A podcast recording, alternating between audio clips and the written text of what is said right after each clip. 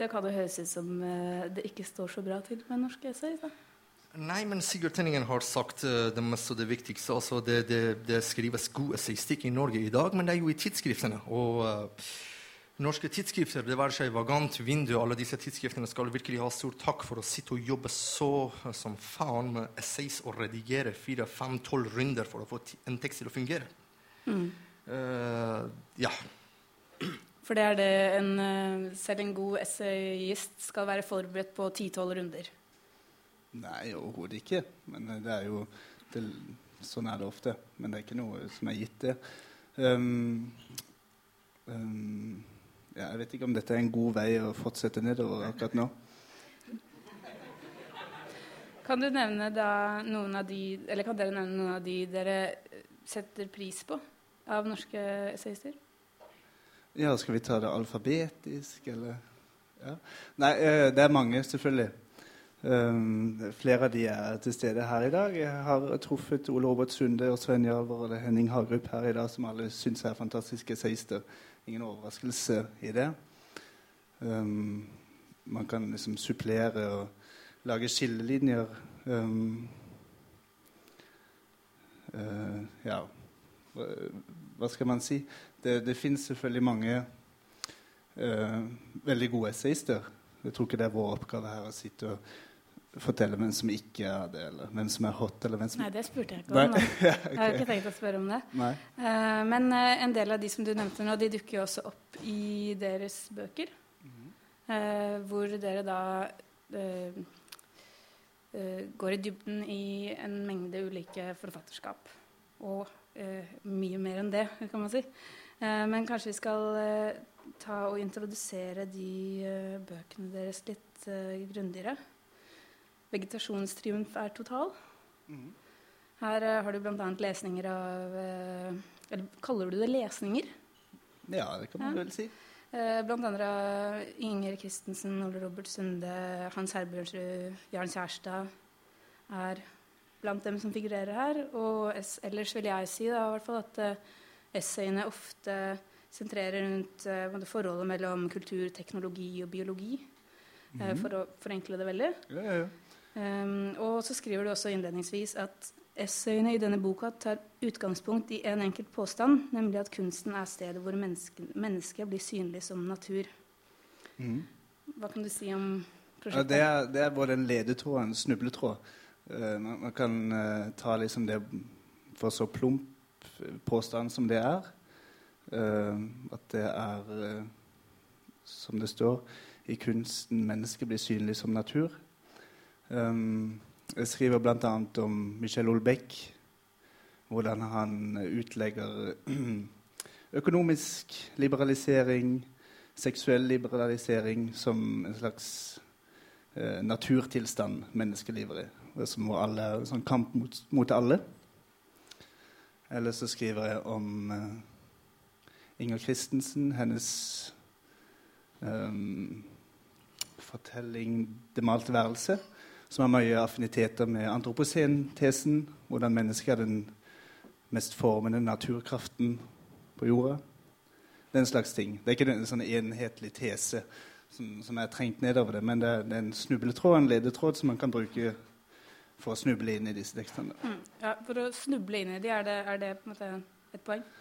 Eh, ja, kanskje. Eh, en av de essayistene jeg skriver om, om, i boka, er Ole Robert Sunde, som er sånn notorisk snublende, notorisk famlende, notorisk eh, forvirra eh, prosa som man blir eh, Det skal godt gjøres å lese de bøkene liksom tviholder på en eller annen sånn eh, oppfatning om hvordan tingene er. Du blir hele tiden stilt på prøve, hele tiden uh, utfordra um, av å lese de bøkene. Mm. Uh, en av de spørsmålene som vi hadde fått innledningsvis, som står i eh, programmet, si, er uh, eh, hva som er måte, forskjellen mellom et essay som står i, en, i, et tidsskrift, og i en samling. Og mange av de som er i din bok, har jo stått tidligere i tidsskrift. Var det noe altså, Forandra de seg på en måte når de ble stilt sammen sånn i en bok? Um, ja, nå er det jo sånn at Både meg og Masek har skrevet og publisert essays i ti år. Og når man lager en sånn bok, så prøver man jo å lage et tematisk utvalg hvor tekstene uh, kommuniserer med hverandre. Uh, nå er det jo ikke sånn at de er skrevet med disse to permene in mente. Jeg begynte ikke å tenke på dette for mange år siden. Så når man samler det, så skriver man det, så prøver man å koordinere og konvergere begrepsbruken, den slags. Um, men um, ja, det, det, er selvfølgelig forskjellen med å lese en enkelttekst i, i et tidsskrift og lese boken som et sånn ja, Walter Benjamin kaller det et refleksjonsmedium, en bok, hvor man eh, utprøver en plump tese eller en snubletråd over ja, ganske forskjellig materiale. Mm. Det er det i hvert fall det jeg har gjort. Mm. Og Mastak, du eh, leser også en del forfatterskap mm. i samlinga di, bl.a. Eh, Svein Jarvold, du også Ole Robert Sunde, Elsa Gress og flere iranske eh, eh Ahmad Shamlo og Mahmoud Dovlatabad. 1990. Eh, og det går i dialog med disse verkene og deres eh, historiske og politiske spor, kanskje? Hvis jeg kan si det sånn. Um, og du innleder med å si at uh, essayet skal være ikke en bispestav eller en målestokk, men en vandringsstav. Mm. Hva, hva legger du i det? Nei, altså, Jeg er veldig opptatt av en ting som jeg kaller det fortidens akutte nærvær i alle disse tekstene. Og for meg også er det noe veldig veldig marxistisk, og så er jeg veldig veldig opptatt av marxistisk assistikk. Og når jeg snakker om marxismen, så sikter jeg ikke nødvendigvis til bare den såkalte nymarxismen, eller Frankfurterskolen, men jeg snakker om den klassiske marxismen, som for meg har mye til felles med Montaigne og hans tenkning. Uh, og fortidens akutte nærvær for meg er altså det vil si å gå på sporet av fortiden og prøve å prøve å oppdage koordinatene for det Elsa Gress kaller historiens, historiens sjelevirus, eller det som hos Walter Benjamin kalles uh, det barbariske kulturmaterialet, for så å forsøke å ta avstand fra det. Og på den andre siden å prøve å gå på sporet av alt det fantastiske og av det geniale tankefrø som vi har arvet fra tradisjonen, i et håp om å overleve det videre. Overlevere det videre og formidle det videre. Uh, og akkurat der mener jeg at uh, den klassiske marxismen og Montaigne har et berøringspunkt. De møter hverandre. La oss ta både Marx og Engels. La oss ta sosialismens utvikling fra utopi til vitenskap, bl.a. der Engels skriver om de sosialistiske utopistene, eller utopiske, utopiske sosialister. Du ser at det er et ekstremt komplisert, tett forhold til fortiden, der han går løs på det han opplever som svært problematisk hos San Simon og hos San Simonistene og hos Laminé. Eh, og han eh, problematiserer det og kritiserer det, samtidig som han på den andre siden snakker om det geniale tankefrø som han har arvet fra San Simon og San Simonistene, mm. som han er veldig veldig stolt av. Det er denne dobbeltheten ved det foregangne, det, det, det, det, fortidige, det historiske, som jeg er opptatt av. Mm. Og det er akkurat der den klassiske marxismen og Montaigne for meg har et berøringspunkt. Fordi når du leser Montaigne, Altså, Sarobinski i sin fantastiske avhandling om Montaigne, Montaigne i bevegelse har et eget kapittel om det som heter uh, Montaignes forhold til biblioteket. Der har du Montaignes forhold for, på den ene siden til, til, fortiden, som er veldig problematisk, veldig, veldig, veldig, veldig melankolsk, der han snakker om portugisernes forhold til uh, de nyfødte i Amerika blant annet, og alt det der fortiden, samtidig som han jubilerer over enkelte sitater og bøker som han omtaler, og han siterer fra. Mm.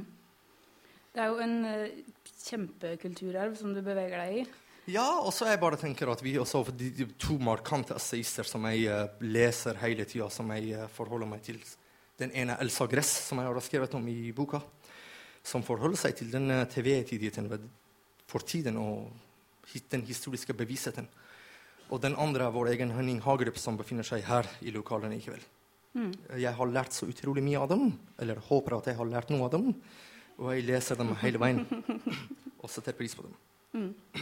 Uh, det er jo uh, Noe som preger begge bøkene deres, er jo denne, en slags uh, takknemlighet overfor den arven som dere Eller det dere Forfatterskap som dere setter pris på og har lært av og bruker og lever i og skriver om. Eh, kan vi si noe om hvor i det litterære landskapet eller hvilken tradisjon dere vil plassere dere i? Skal jeg begynne? Uh, uh, skriver uh, um, primært om ja, også nålevende, men også avdøde forfattere. Mastak har et historisk blikk i mange av bøkene. I min bok, det som jeg har gjort et utvalg her, så er det veldig mye samtidsforfattere eller kunstnere som jeg skriver om. Um, hva slags tradisjon det beveger seg i. Um, Arne Melberg ga ut en essayteorisamling uh, for et par år siden, hvor han skiller mellom fire typer essay. Han skiller mellom selvframstillingen, som var vel det Mastak var litt polemisk til innledningsvis her, uh, og reiseessayet. Um, det moralske essayet og kritikken. Mm.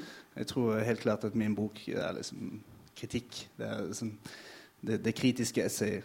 Altså en undersøkelse av kunstverk. Det er det. Jeg vil kanskje la være å snakke om hvilken tradisjon jeg befinner meg i. alt det der. Altså, Sigurd Tringen er vår, en av våre beste kritikere, og han omtalte min bok, så skal jeg nøye meg med det. det går bra. uh, I uh, de fire inndelingene som du nevnte, um, som vel så vidt jeg var, det var Graham, Graham Good som definerte de ifølge Melberg. Mm -hmm. uh, og han uh, og Melberg sa seg enig i det, at alle disse både reiseessayet, kritikken og selvframstillingen er uh, i, i live i beste velgående i dag, mens det moralske essayet er liksom Kapitski. Mm. stemmer det? Har havna mellom journalistikken og akademiske, filosofiske avhandlinger, skriver han. Ja, takk. Mm. ja. Hva er grunnen til det? Eller er det, er det dumt? Trenger vi det tilbake igjen, eller er det ivaretatt? Jeg har ikke uh, hatt noe veldig behov for å, å, skrive den type essay. Jeg vet ikke helt hva, hva, hva de legger i det. Hva han kaller det som essay i uh, essayets urgamle form? Noe sånt? Mm, mm, ja. mm. Um, ja Jeg har ikke noe godt svar. Nei. Det er kanskje greit at den bare ligger død. Ja. Moralen er ut. Mm. Mm. Um, en annen ting jeg lot, uh, la merke til uh, i uh, Melbergs bok, er at han skriver at innsikten i egen dødelighet er nok den viktigste årsaken til å skrive essays. Det er når døden nærmer seg at essayet blir til behov. Uh, er, er dere sånn gamlisungdom, eller er det liksom Nei, altså nå, nå, nå, sies det at vi har skrevet essay i ti år. Hvis liksom døden nærmet seg da jeg var 25 år, så ville det vært det. Men jeg, jeg tror ikke det. Jeg tror, jeg tror det er en, en liksom polemisk innsnevring hos Melberg å knytte det til, til det. Um, det er jo veldig mye estetikk som ikke handler om, om, om det. Um, vi, vi, skal ikke plage oss altfor mye med essayteori her, tror jeg. Men uh, um, det er gjort veldig mange forsøk på å liksom, sjangerdefinere essayet. I hvert fall det meste jeg har kommet over, så er det veldig utflytende. Jeg tror Johannessen skriver noe sånn som at um, essayet kan inneholde alt som finnes i tekst. Og der er man liksom ved yttergrensen av en sjangerdefinisjon som ja. ikke er det ingen vei tilbake. Um, Nei, det er jo ikke akkurat eh, det er jo, eh, Hvem var det som sa at det var den sjangeren som ikke ville være en sjanger? Ja, det er en sånn notorisk ikke-sjanger. Ja. Men uh, det, det fins en, det Claire de Obaldia som, som, har skrevet en bok som heter um, The Essayistic, Essayistic Spirit. Som, som, heller ser på det som en modus, som en tankemåte. Ja. Som, som infiltrerer romanen eller diktet Altså egen sjanger. Montaigne har jo også essay som er på én side, eller essay som er på 150 sider. Det er veldig sånn ulike um, Man kan heller snakke om en modus enn en sjanger, tror jeg. Mm. For den, man ser jo essay-stikken i, i, ja, i, poesien og i romanen mm. også. Ja. Uh, nei, det, jeg tror at uh, det er vanskelig, eller kanskje helt uønskelig, å komme med en ordentlig definisjon av begrepet. Uh, et Oscar Wilde, som er sitert hos Melberg, sa at essay er ganske enkelt en redegjørelse for den egne sjelen. Det er det dannede menneskets eneste verdige form for selvbiografi. Det er ganske fjongt, da. Ja, det, det, er jo det, men altså, Sigurd snakker om uh, en modus.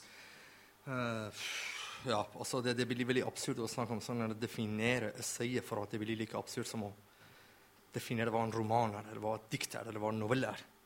Men altså, vi kan si at i, forhold, altså, ja, i tradisjonen har vi snakka om essayet som et blandingsprodukt, eller som Erling Odland i sitt fantastiske essay om Adorno.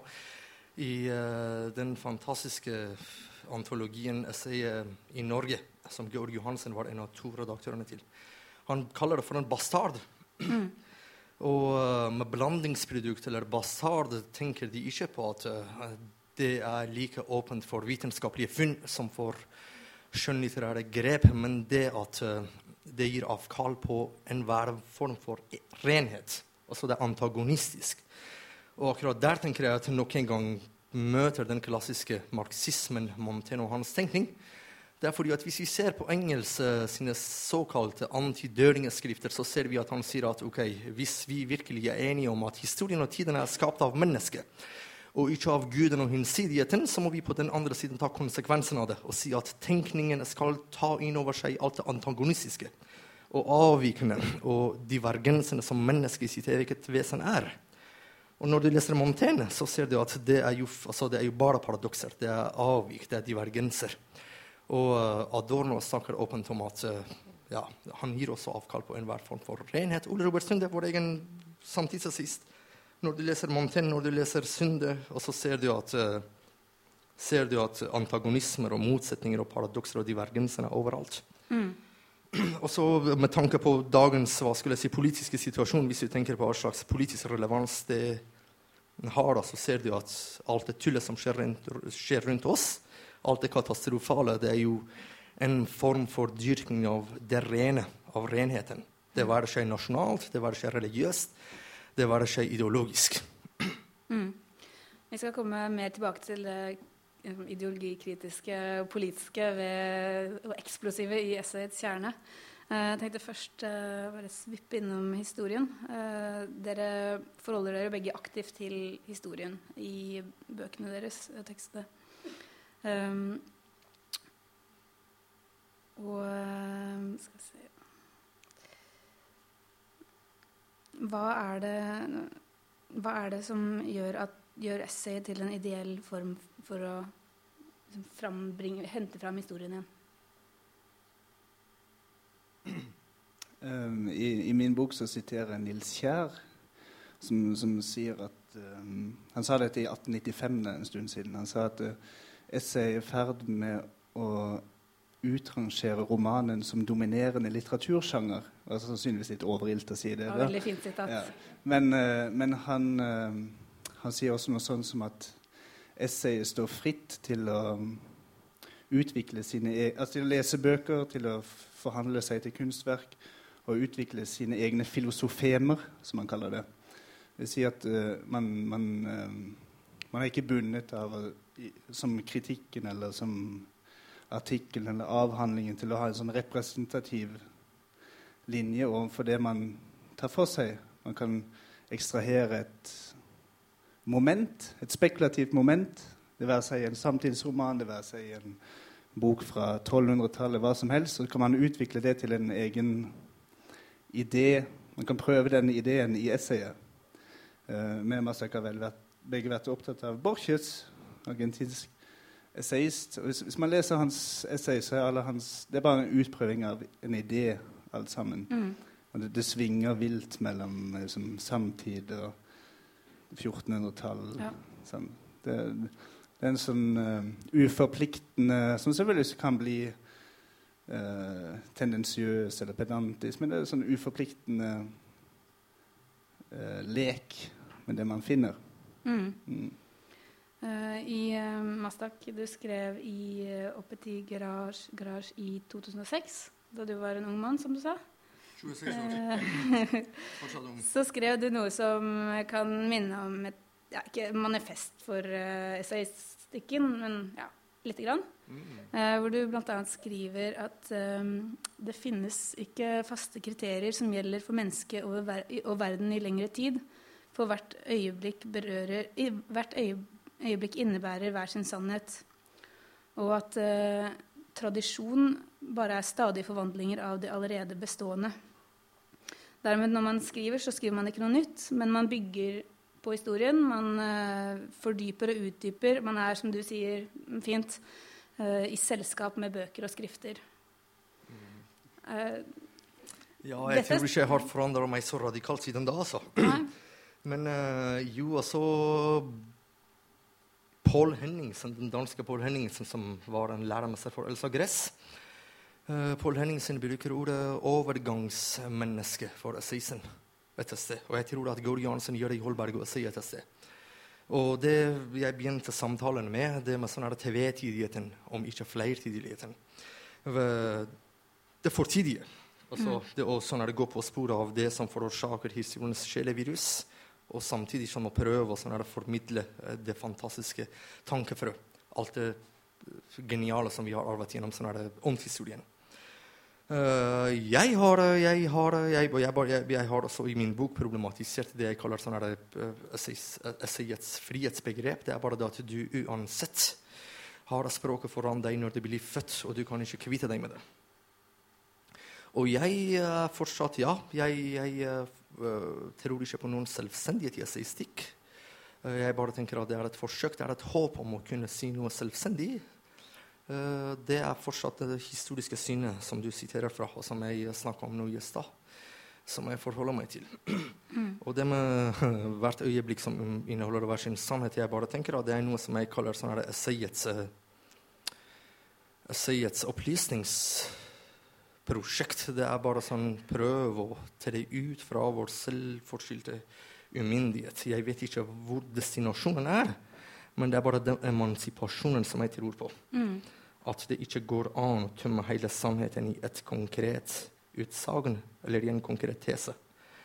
Det er derfor jeg skrev dette, og meg og Sigurd skrev det samme nesten. Men, Mm. ja. Kan jeg spørre hvem, hvem skriver dere for? For, Ja. for seg sjøl. Det, det, Ja. det er jo selvfølgelig en, en, en utprøving av en tenkning. Det er ingen som skriver alene for seg sjøl. Men når man skriver, så, så prøver man en tanke og ser om den kan henge sammen. Det er selvfølgelig alltid skrevet for en eller annen sammenheng. Uten deadlines så tror jeg ikke jeg hadde skrevet noe som helst. Men, men uh, når det gjelder sammensetningen av, av tekstene, så er det for å prøve noe, da. Mm. Men når du, så, så når du snakker om det mulige liksom, frigjørende aspektet ved essayistikken, så har du en, har du en uh, mottaker eller en leser i bakhodet når du skriver deg inn i dette? Altså, jeg vet ikke om jeg forstår det spørsmålet helt, men jeg, jeg bare tenker at med tanke til- Hvem vil du skal lese det du skriver? Jeg forholder meg til et uh, intellektuelt publikum. Jeg gjør det. Og når jeg skriver disse sin som jeg har skrevet denne boka der, du ser at når jeg skriver om iranske forfattere, så prøver jeg å være så introduserende som mulig. Ja. Selv om det ikke er introduksjonstekster. Men jeg bare tenker at det er forfattere som det norske publikum ikke så vet, vet så veldig mye om. Mm. Da er jeg nødt til å være litt åpen. Men når jeg skriver om essayet som livsform eller som tankeform, når jeg skriver om Svein Jarvold, når jeg skriver om alt dette her, så tenker jeg at jeg har det med et intellektuelt publikum å gjøre. Mm. Ja. I eh, teksten om Ole Robert Sunde så skriver du eh, om det å lage nye montasjer av historien. Og da, Der står det bl.a.: uh, Historien er som et landskap etter et kraftig jordskjelv, og hukommelsen har mange revner. Når det forholder seg på den måten, og vi har vært enige på dette med liksom, umulighet, at det er ikke én sannhet, det er utforskning av eh, ja, utrolig mange aspekter. Hvordan man, er det da mulig å si noe sant og riktig? Eller er det begrensende begreper? Altså Jeg har aldri hatt noe behov for å si noe og uttømme sannheten i et essay, i en setning eller i en tese. Tvert imot rømmer rømme deg fra det. Jeg, Ja. jeg, jeg er redd for det. Når jeg i det siste essayet som jeg har i min bok, eh, som heter 'Messiansk skatologi' Alt jeg skriver, er om essayets emansipasjonsprosjekt. Og de nye kristne ateistene og deres begrep om knose, der, uh, ja, som tømmer enhver form som fastmontert ja, form for sannhet. Jeg, Mm. jeg rømmer fra det. Jeg er ikke opptatt av det i det hele tatt. For der snakker du om eh, å heller gå på det som er utsatt, det som er i randsonene. At det er det som er uh, essayistikkens uh, anliggende. Det som samfunnet på en måte har sjaltet ut. Ja, jeg har, jeg har, jeg har ja, altså jeg, snakker, jeg snakker om skatologien i forhold til essay. Jeg bare tenker at Kan du kan forklare for Ja, det kan jeg gjøre. Også skatologien har med behandling av avføring og av ekskrementer å gjøre. Jeg bare tenker at både den ideologiske logik, logikken, den, eh, den ideologiske logikken, den rasjonalistiske filosofien og religionene, alle er opptatt av å rense for seg. Alle er opptatt av det jeg, eh, jeg sa snakk om. Altså jeg sa en form for renhet. Det er bare det at når du først tror du at du har funnet sannheten, når du lukker deg, når du ser på sannheten som noe rent, det være seg altså, eller en eller annen form for identitet, nasjonale identiteter, religiøse identiteter eller ideologiske Hvis du ser på det som noe rent, så vil du rense for deg alt som er urent, og da blir det blodbad. For meg er det å si det jeg snakker om altså når jeg sier skatologi, det er bare at når du leser, når du leser Montaigne, når du leser sånn her, det informale sier, så ser de at Montaigne tar for seg altså, eh, det som er ekskludert fra den rasjonalistiske filosofien eller religionene, eller den ideologiske logikken som ekskrement, som unyttig. Montaigne forholder seg til det unyttige. Ja. Eh, det er det jeg kaller for ekskrement, men også Ja. Eh, og så snakker jeg om Lacan, selvfølgelig, og hans begrep om altså, den, den, den, den, den, symbolske orden. Altså den symbolske orden fortrenger alt som, som er unyttig, eller hva skulle jeg si, som strider imot den. Mm. Det er bare drit, det. Ja, det er bare drit, rett og slett. Og essayet tar for seg driten. Alt som er unyttig. Men, da, men blir det ikke på en måte nyttig i det du tar det i bruk? Jo, jeg har et begrep som jeg kaller sånn, essayets dom, permanente dommedagsperspektiv. Ja. Jeg bare tenker at alt, altså akkurat som de døde som får nytt legeme og nye stemmer uh, ved det messianske ankomst jeg, jeg snakker om essayet som en permanent dommedagsperspektiv, og det er da alt det ekskluderte, alle de motsetningene, alle de eh, antagonismene som ble ekskludert fra enhver ideologisk eh, logikk som, ja, som ville oppnå en organisk og ren helhet. Det får tilbake sin egen eh, væren og sitt eget liv tilbake i essayet. Eh, jeg kaller det for et sånn, dommedagsperspektiv. Mm. Ja. Ja, jeg, jeg, vet- jeg vet ikke om det er nyttig, men i hvert fall eh, Du skal få lese opp en liten passasje fra et av essayene dine. Ja, det var, det var, det var da vi snakket om essayets, uh, essayets eh, frihetsbegrep, som jeg synes er veldig paradoksalt. Altså akkurat det vi snakket om, fri, om, om fortiden, om historien. At det ikke går an å kvitte seg med historien i det hele tatt, og med det fortidige. og så var det bare en passasje, ja, det var sånn om uh, Sayeds uh, selvsyn, som jeg synes er veldig paradoksalt. Etopsi. Det jeg synes er paradoksalt, er at både Adorno og alle disse Frankfurt, Frankfurt, eh, frankfurterne uh, de skriver om Sayeds selvsyn, revet løs fra autoritetene. Og når du leser statistikken deres, så ser du at det er bare referanser til autoritetene og til, til klassisk, kla, klassikerne.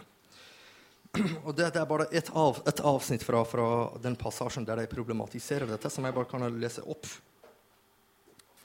Men Faderens værelse er mørkt, selv midt på den solfylte formiddagen, og hans skjortel er skitten.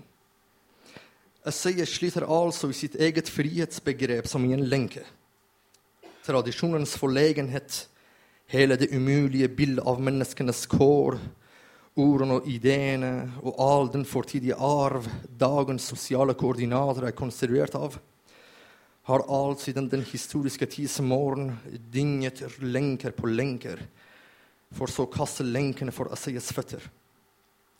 Det er derfor ikke for ingenting at også marxistisk skolerte essayister, især fra miljøet rundt Institutt for sosial forskning i Frankfurt, tenkte essayets anliggende som allerede formet av kulturen, og drøftet sitat, selv det rent individuelle erfaringen som bevisene tar utgangspunkt i, som alt formidlet av den historiske menneskehetens omfattende erfaring. Sitatet slutt. Et slags sediment som også Karl Marx sjøl gjentatte ganger i sine ungdomsskrifter om pamf pamfletter, i forsøkene på å finne en vei ut av historiens gjentagelsestvang, har skrevet om og advart mot. Den Marx som i den tyske ideologi diskuterer citat, ånden som på forhånd dømt til å være belastet av materien og språket, som den første virkelige beviset som eksisterer. Sitatet slutt. For så, i det relativt tidlige skriftet Louis Bonapartes 18. Brumaire, å proklamere tradisjonen fra de døde slektene som sitat, så ruvende som et fjell på de levendes hjerne Menneskene skaper sin egen historie, men de skaper den ikke etter eget godtykke, ikke etter selvvalgte forhold, men under forhold som umiddelbart er gitt og overlevert. Sitatet slutt. Mm. Her er vi da tilbake med det, til det med at vi alltid sitter måte, fast i historien vår og alltid må forholde oss til den enten vi vil eller ikke. Uh, jeg synes det er veldig fint dette med essayet sliter i sitt eget frihetsbegrep som i en lenke. Kan du utdype hva det innebærer? Ja, altså jeg bare tenker at Det ikke går an å late som om historien ikke finnes. rett og slett. Mm. Og Det er snakk om autopsi, det er snakk om selvsyn. Det er litt paradoksalt, fordi at så alle de essayene som jeg skriver om det, har det mest tette forholdet til tradisjonen. Mm. Så en god essayist skal kjenne at det sliter i lenkene? når han skriver. Ja, du, ja også det er bare sånn at det å akseptere at faderens arve gods finnes, det å akseptere at historien finnes slik den er, for derfra å finne prøve å finne midlertidige løsninger. altså Jeg bare kaller det for sånn koordinatene som gjør historiens gjentagelsestvang mulig. Mm.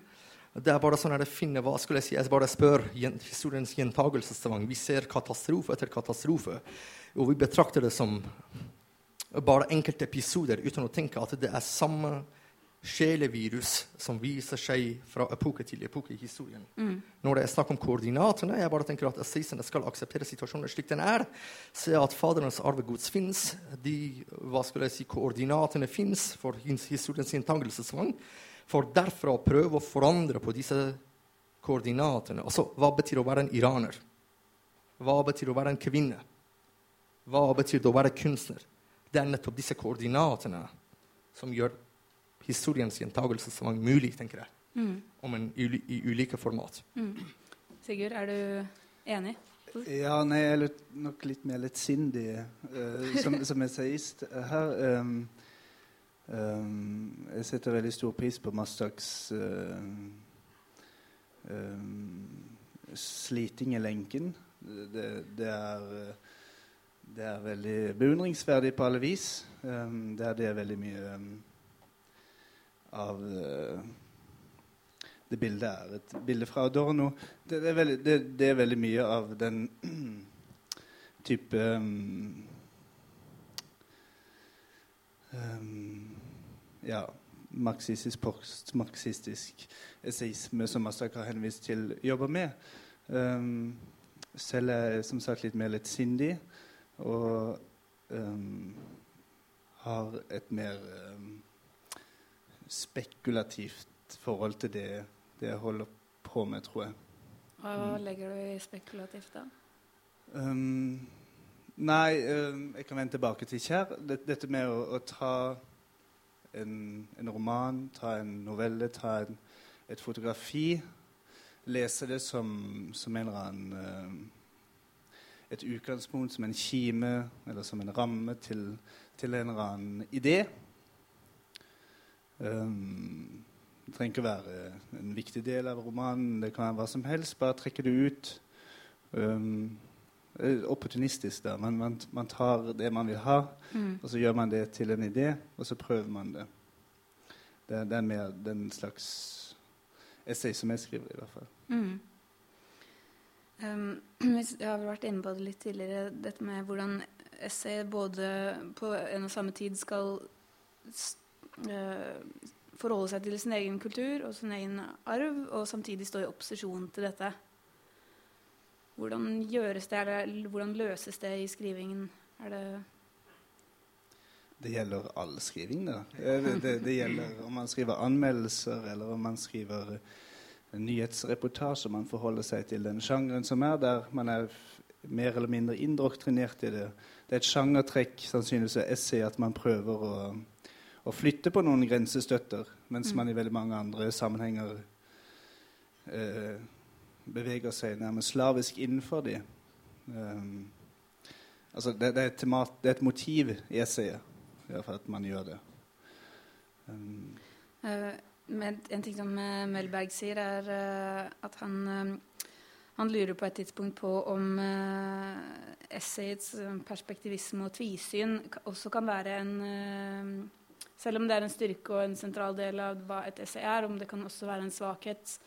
Om man kommer til kort i situasjoner der det kreves noe absolutt og bestemt, spør han. Jeg ja. Jeg skal ikke spekulere i hva Melberg mener, men jeg syns det er en god diagnose på, på, alt Eller ikke på alt. På, på veldig mye som er uh, labert med, med det, man, det, man, kaller estetikk, hvor man, hvor man framhever en slags subjektiv posisjon hver gang hvor, hvor man ikke gidder å følge argumentet fullt ut, hvor man loggfører en, en tenkning 'Dette mener jeg'. Um, um, man, man, relativiserer allting fordi at uh, man bare er et enkelt menneske som har lest denne boken. Altså, det er veldig utbredt blant norske esseister å gjøre det på den måten. Hvor man uh, umyndiggjør seg selv, så å si, i møte med noe fordi det er en enkel utgang. Det, det er mm. kanskje, altså, Melberg snakker om perspektivering, det er noe annet han snakker om Emerson og alle disse tingene. Men, men uh, når han ser det som en tendens til at det kan være problematisk, syns jeg det er nærliggende Det, det, det samme Master har et uh, essay om Gisle Selnes i, i sin bok. Uh, Gisle Selnes har skrevet om norsk essaystikk. Han skiller mellom det formale og det disformale essayet, som, som jo veldig mange gjør. Og han sier at um, i norsk samtidslitteratur så er det helt klart at det disformale, informale essayet er dominerende. Um, hvor man uh, følger sine egne assosiasjonsrekker mm. og stentrer litt rundt. Um, det, det, tror jeg er en veldig riktig diagnose. Det, jeg tror ikke han ser på det som en diagnose, men det er det. Uh, hvor man uh, umyndiggjør seg selv. Uh, for, eh, for å um, slippe å være analytisk. Mm. Ja, altså, altså vil jeg, bare, jeg, vil bare si at Når vi snakker om SI, altså, hva er det? Altså, det er et hav av muligheter. Mm. Det er derfor jeg prøver å forholde meg bare til én altså, en tendens ved essayistikken som jeg selv er opptatt av. Ja. Eller så blir det veldig feil å snakke på vegne av essayet som sådan. Men uh, det med per det perspektiviske altså, Jeg har ikke lest akkurat den passasjen hos Melberg, men jeg bare tenker sånn en ting jeg er veldig opptatt av hos disse, disse marxistene, både klassisk marxisme og så marxisme, som Benjamin og Adorno, og alt det der, det er nettopp, nettopp det perspektiviske. Så jeg bare husker bare sånn, Når du leser Benjamin skriver om uh, Baudelaire, en av, en av, de flere tekstene han har skrevet om Baudelaire, så er han veldig veldig sånn kritisk til industrialisering og industri som sådan. Og så har du samme Benjamin som skriver om San Simon i passasjeverkene, i akkurat den passasjen om San Simon. Og der skriver han det hellige båndet mellom kristendommen og jernbanene som San Simon var opptatt av. Fordi intet moderne fenomen noensinne har eksistert som jernbaner som har lignet så mye på kristendommen. Fordi begge klarte å koble folkeslagene til hverandre. Det er helt enormt. Jeg bare tenker å se disse fantastiske det, Og det å se på samme epoke eller samme problemstilling fra ulike perspektiv. Mm det er det jeg uh, virkelig faller på kne for. Altså. Ja. Sant? Det er Ja. Toget har gått. er det håp? Ja, ja, ja, det er bare håp. Ikke for oss. Um, er det ideologikritikk du driver med? Vil du kalle det det? Ja, altså akkurat, akkurat den lille, det, det lille hjørnet av det store havet som heter essayet. Ja, jeg snakker om ideologikritikk både pga. det jeg kalte skatologien, og føre tilbake uh, ekskrementene til det systemet de var ekskludert fra, så det som skaper sånn turbulens i det symbolske orden som Gisle skriver. Men også fordi at uh, ja, når all, all, ideologi er opptatt av riktige, den riktige siden, det rette blikket, mm. så blir det sier, ideologi kritisk når det gir avkall på det ene riktige blikket og skal se på objektet, studieobjektet fra alle, alle mulige sider. Bare, Mm. ja, bare to tendenser. Liksom. Mm. Du skriver i teksten din om Gress at uh, hun var en av de som eh, Eller hun er en av de som aksentuerer de intellektuelles dilemma når situasjonen er kritisk. Eh, er situasjonen kritisk i dag? Og er det noen som fortsatt gjør dette? Det, altså, det, det, situasjonen har vært kritisk lenge, altså.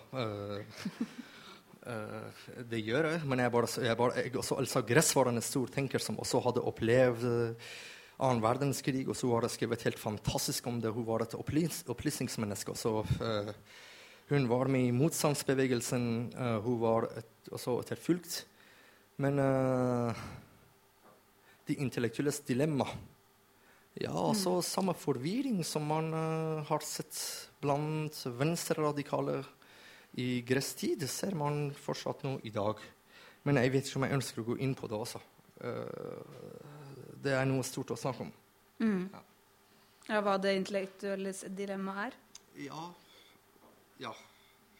Jeg vil anbefale Henning Hagerups vinternotater på høyest. Der har han skrevet mye, mye bedre enn jeg og hele min slekt klarer å ja. Apropos Henning Hagerup, så i et intervju du gjorde med han for noen år siden Når var det? Jeg var en ung mann. Jeg tror ja. det var for fem år siden. Sånn. Ja. Jeg vet ikke. Der snakker han om, eh, om, helter som ikke lar seg drive med av intellektuelt motehysteri. Hva er eh, dagens intellektuelle motehysteri? hva som er dagens intellektuelle motehistorie. Nei, det tror jeg det er veldig mange i salen her som vet mye bedre enn meg. i hvert fall. Sånn, altså. Det forholder dere dere ikke til? Mm, det vil jeg helst slippe unna. Altså. Antroposen. Ja, jeg har sjøl gjort meg skyldig i et motehysterisk innslag i min bok, hvor jeg skriver om antroposentesen. Den menneskeskapte tidsalder. Ja. Som selvfølgelig er en sånn eh, begrepsmessig nyvinning eh, som brer om seg, og som omsider nådde mine bredder. Så ble jeg oppslukt av det, og så ble det resultatet. Men ja, kan det, kan, det, kan det, komme til et punkt der du uh, plutselig oppdager at noe du skriver om, er så populært at du må slutte å skrive om det?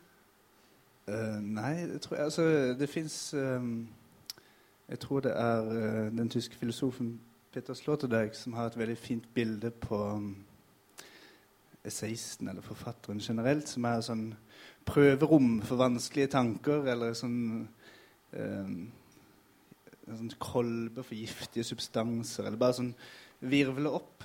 Um, veldig mange av de forfatterne jeg skriver om, det er veldig vanskelig å knytte de til en um, posisjon eller en ren tenkning, som masse snakker om. Det, det, det, er sånn oppvirvling av støvet eller av uh, mudder. S uh, se hva man finner. Um, og i det så vil det selvfølgelig alltid være noe hysterisk. Hvis ikke så ville det jo ikke vært ordentlig mudder. Men litt hysterisk kan man være? Ja, ja, ja. ja. Det, det, er, det må man jo. Mm. Du, um... Nei, jeg, jeg, bare som sitter og I essayets ånd så blir det mange digresjoner. Jeg bare kom på uh, en passasje hos Sigurd.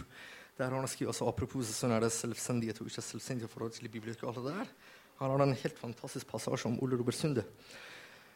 Der han uh, sammenligner sånne monadefigurer med Ole Robert Sundes arbeidsrom. Der har Ole Robert Sunde biblioteket, og så ler han seg ut av vinduet og ser ut på Teresesgata bare gjennom altså, altså monaden med det eneste vinduet å se hele verden gjennom. Det er helt fantastisk. Det er bare det jeg skulle si. Helt nydelig bilde. Ja, virkelig, altså. Ja. Punktum. Eh, for å vende tilbake til uh, Elsa Gress, som debuterte i 1945. Mm. Uh, kritisk år, kan man si. Du skriver at her blir den intellektuelles rolle tegnet opp som akutt kritisk avgjørende med selve livet som innsats. Gjelder det for den intellektuelle av i dag? Ja, jeg- selvfølgelig det gjør det. Ja, ja, jo, ja, selvfølgelig. He- Hele tida. Det gjør også Altså, altså Algeres var, var på besøk i Tyskland på, på, på gåtur, på vandringstur sammen med sin eh, bror Palais. Og da var det før nazismen tok over, og da hadde de dialog med, de hadde dialog med eh, ungdommer og med vanlige borgere. Og da skjønte Gress at situasjonen var kritisk allerede før Gress hadde, unnskyld, nazismen hadde tatt over. Og Gressa skriver om at de intellektuelle situasjonene er alltid veldig akutt, for at du trenger ikke å se hva som finner sted her og nå i dag på overflaten. Du kan bare skrape sånn langs overflaten sjøl og se hva som finnes under. Mm. Jeg tenker at det gjelder både i dag og i morgen og ja, hele tida. Mm. Hele historien gjennom. Men uh, ivaretar uh, i- dagens intellektuelle den rollen? Bruker de det sånn som de bør? Så hvem er dagens intellektuelle? Ja, det Altså, hvor? Hvem? Altså uh, Ja. Det, det fins um, Gerhard Haas har skrevet en veldig viktig bok om essayet. Han, han har sånn for mest sånn sjangerdefinerende forståelse Altså det, det er en sjangerdefinerende bok. Han skriver noe interessant. Han skriver at um, under nasjonalsosialismen så ble det knapt Eller ble ikke skrevet eller publisert essays. Det, det er en tankeform som sannsynligvis forutsetter en viss um, åpenhet. Det er ikke noe heroisk over det, det er bare et symptom på, på det. Mm.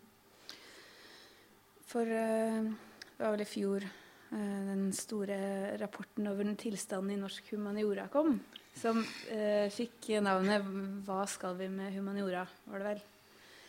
Du har skrevet, men nå husker jeg ikke hvor det var, om den humanistiske arven under angrep. Om Ole Ror Sunde. Eh, Hva ligger du i det? eh, nei, det, det er en kort passasje. Jeg skriver om det, men eh,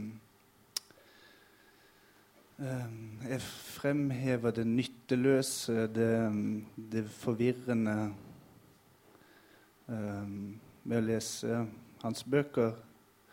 Som, som jeg sa i sted, hvis du har et eller annet sånn instrumentelt siktemål ved å gå inn der, så, så oppløses det i sånn syntaktisk syrbad hvor eh, alle sånne forsteinede forestillinger om hva som er rett og galt og godt og vondt, eh, får seg en kraftig trøkk. Um, det er en sånn, hvis, hvis du nevner humaniora-rapporten, jeg regner med at det er Rem og um, Jorheim du sikter til. Um, så, så opererer de med en type nytte for humaniora, hvor man skal liksom rykke inn som en slags beredskapstropp, beredskapstropp og eh, eh, legge plaster på sår eller fortolke en situasjon. Mm.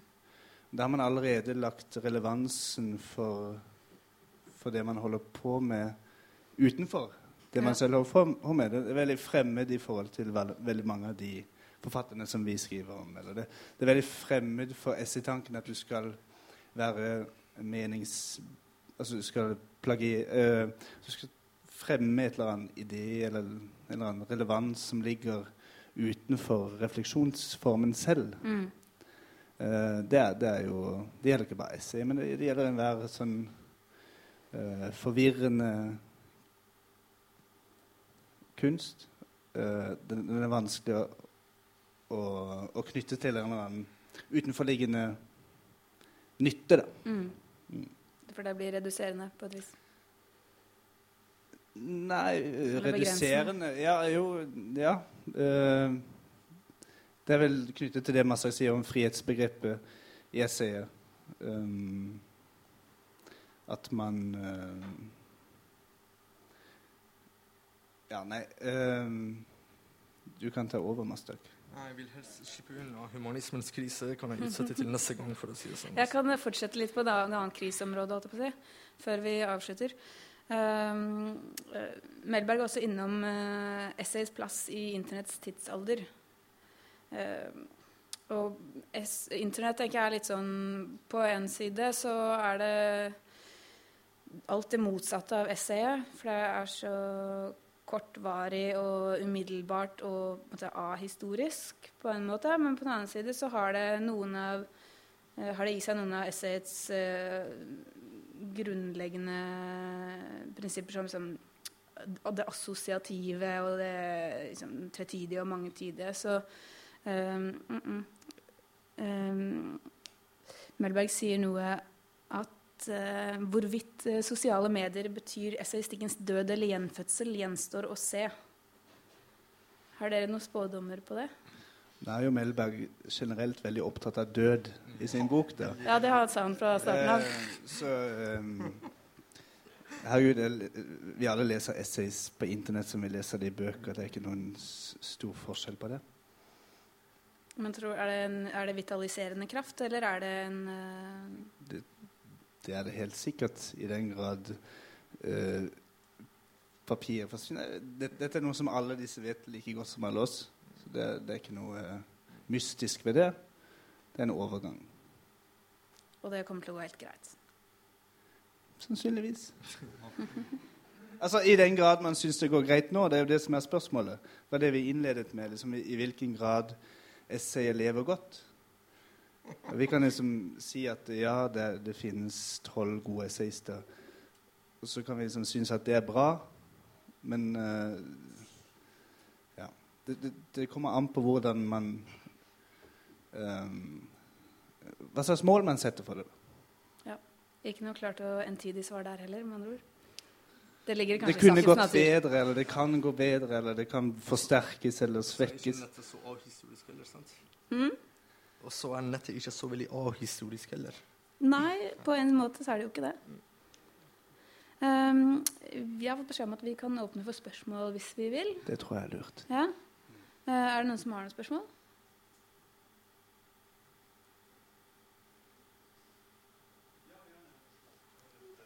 Ja. Det er Morten, ja. Du har en mikrofon? Hei.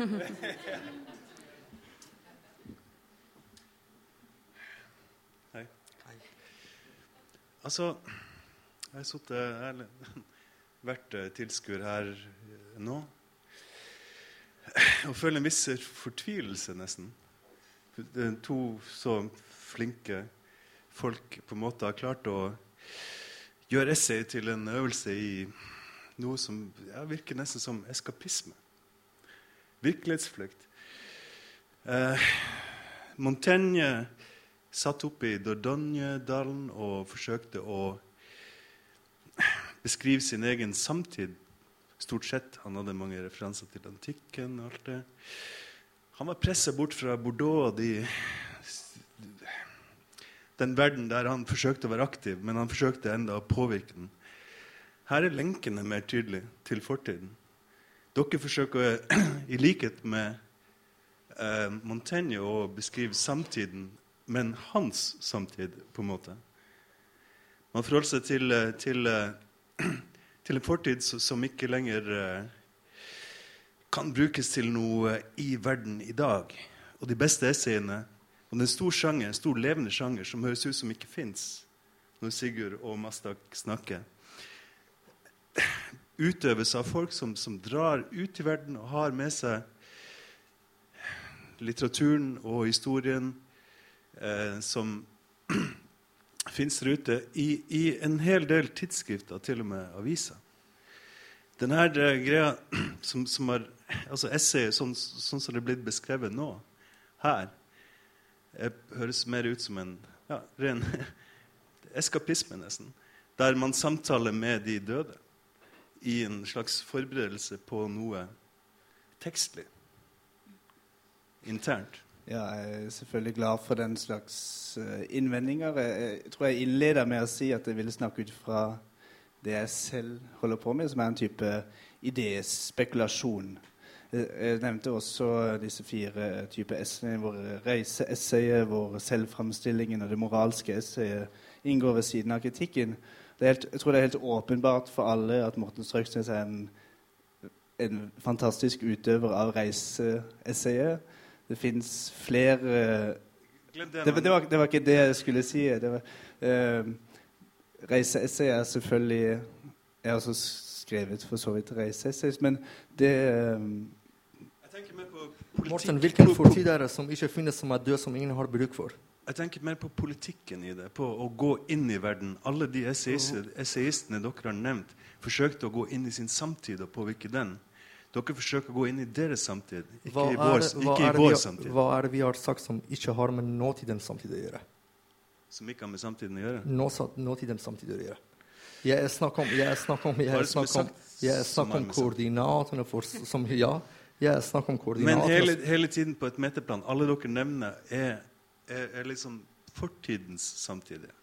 Dette er jo eh, Nå, nå, eh, nå skriver uh, Massak en, en mer historisk orientert essaystikk enn det jeg gjør, men det han insisterer på fra side én til siste side, er historiens akutte nærvær. Det, det er det han sa med en Heideggers metafor i stad. Man kommer til verden, man kastes inn i språket. Det ligger der allerede. Alle de begrepene du bruker når du skriver, alle de ordene, de er allerede brukt i tusenvis av år.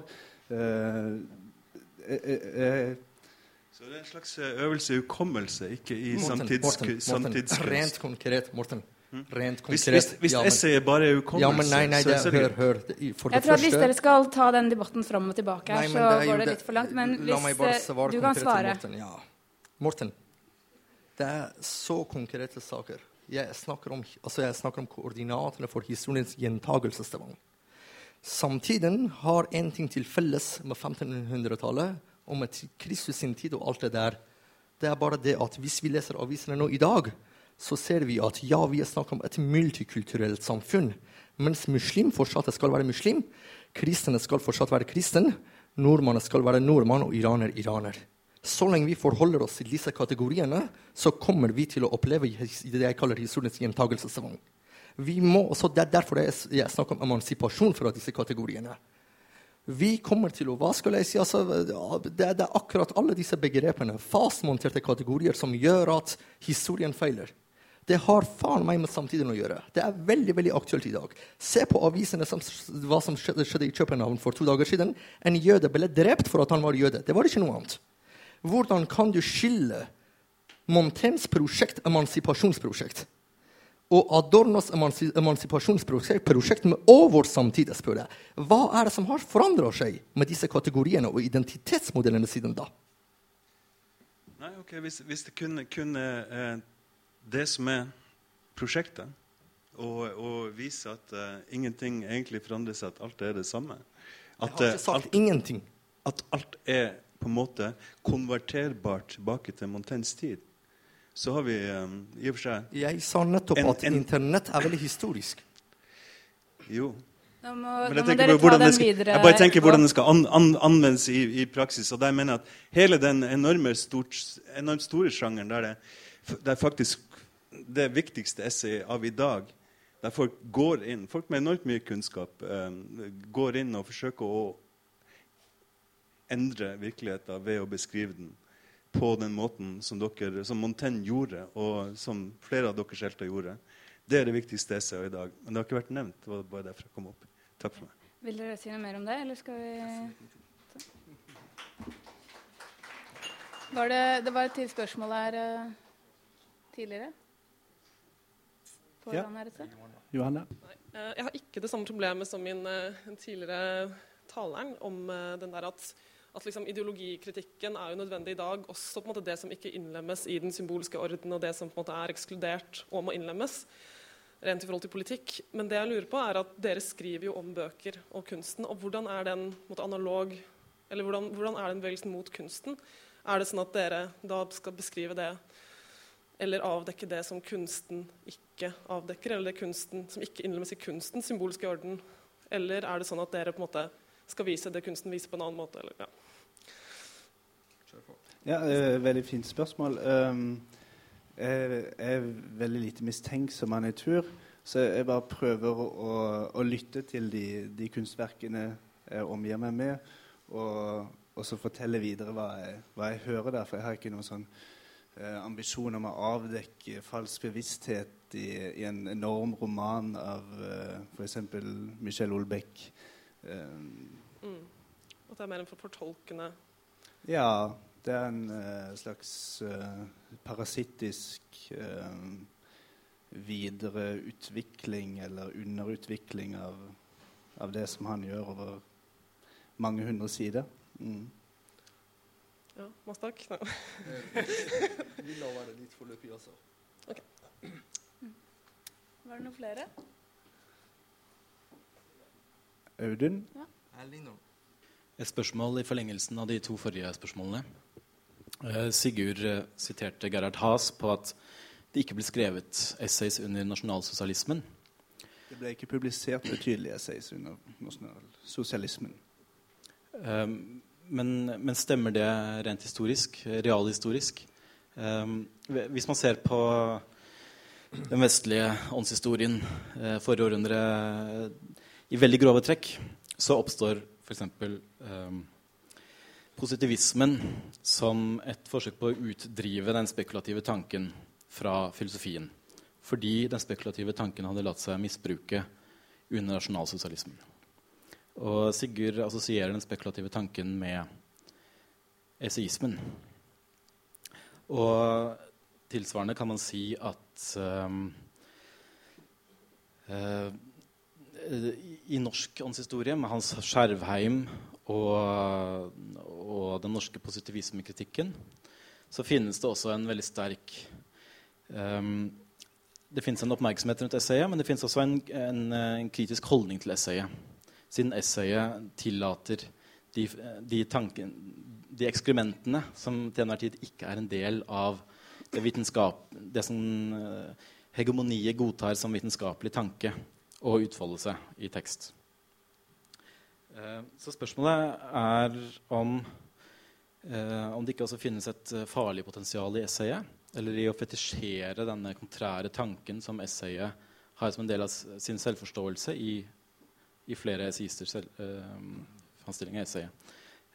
Det finnes jo eksempler i dag også, både i Frankrike, Tyskland, Russland, på essayister som er de fremste ideologiske fanebærerne for um, det noen vil kalle reaksjonære eller rent ut fascistoide tenkemåter kan Ja.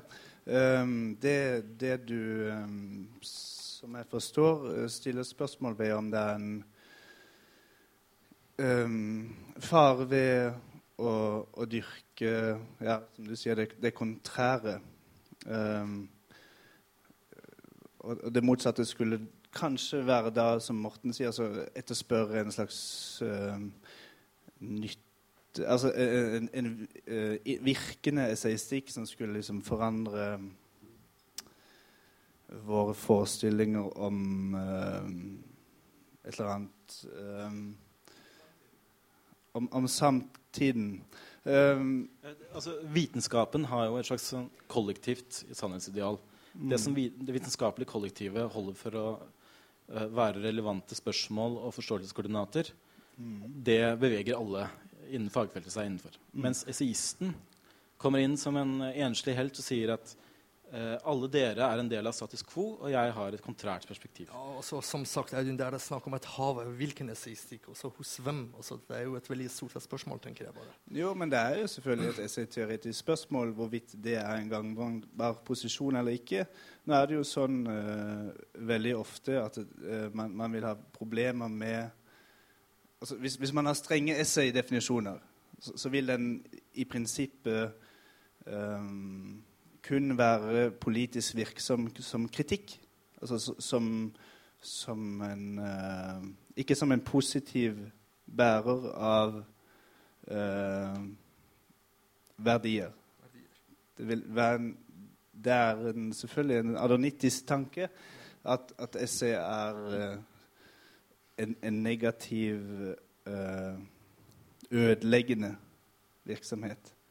Um, altså, det, blir et, spes, et, spørsmål om å definere hvorvidt eh, liksom Fjordmann er en esaist, eller om han er en agitatorisk tenker for et rent samfunn.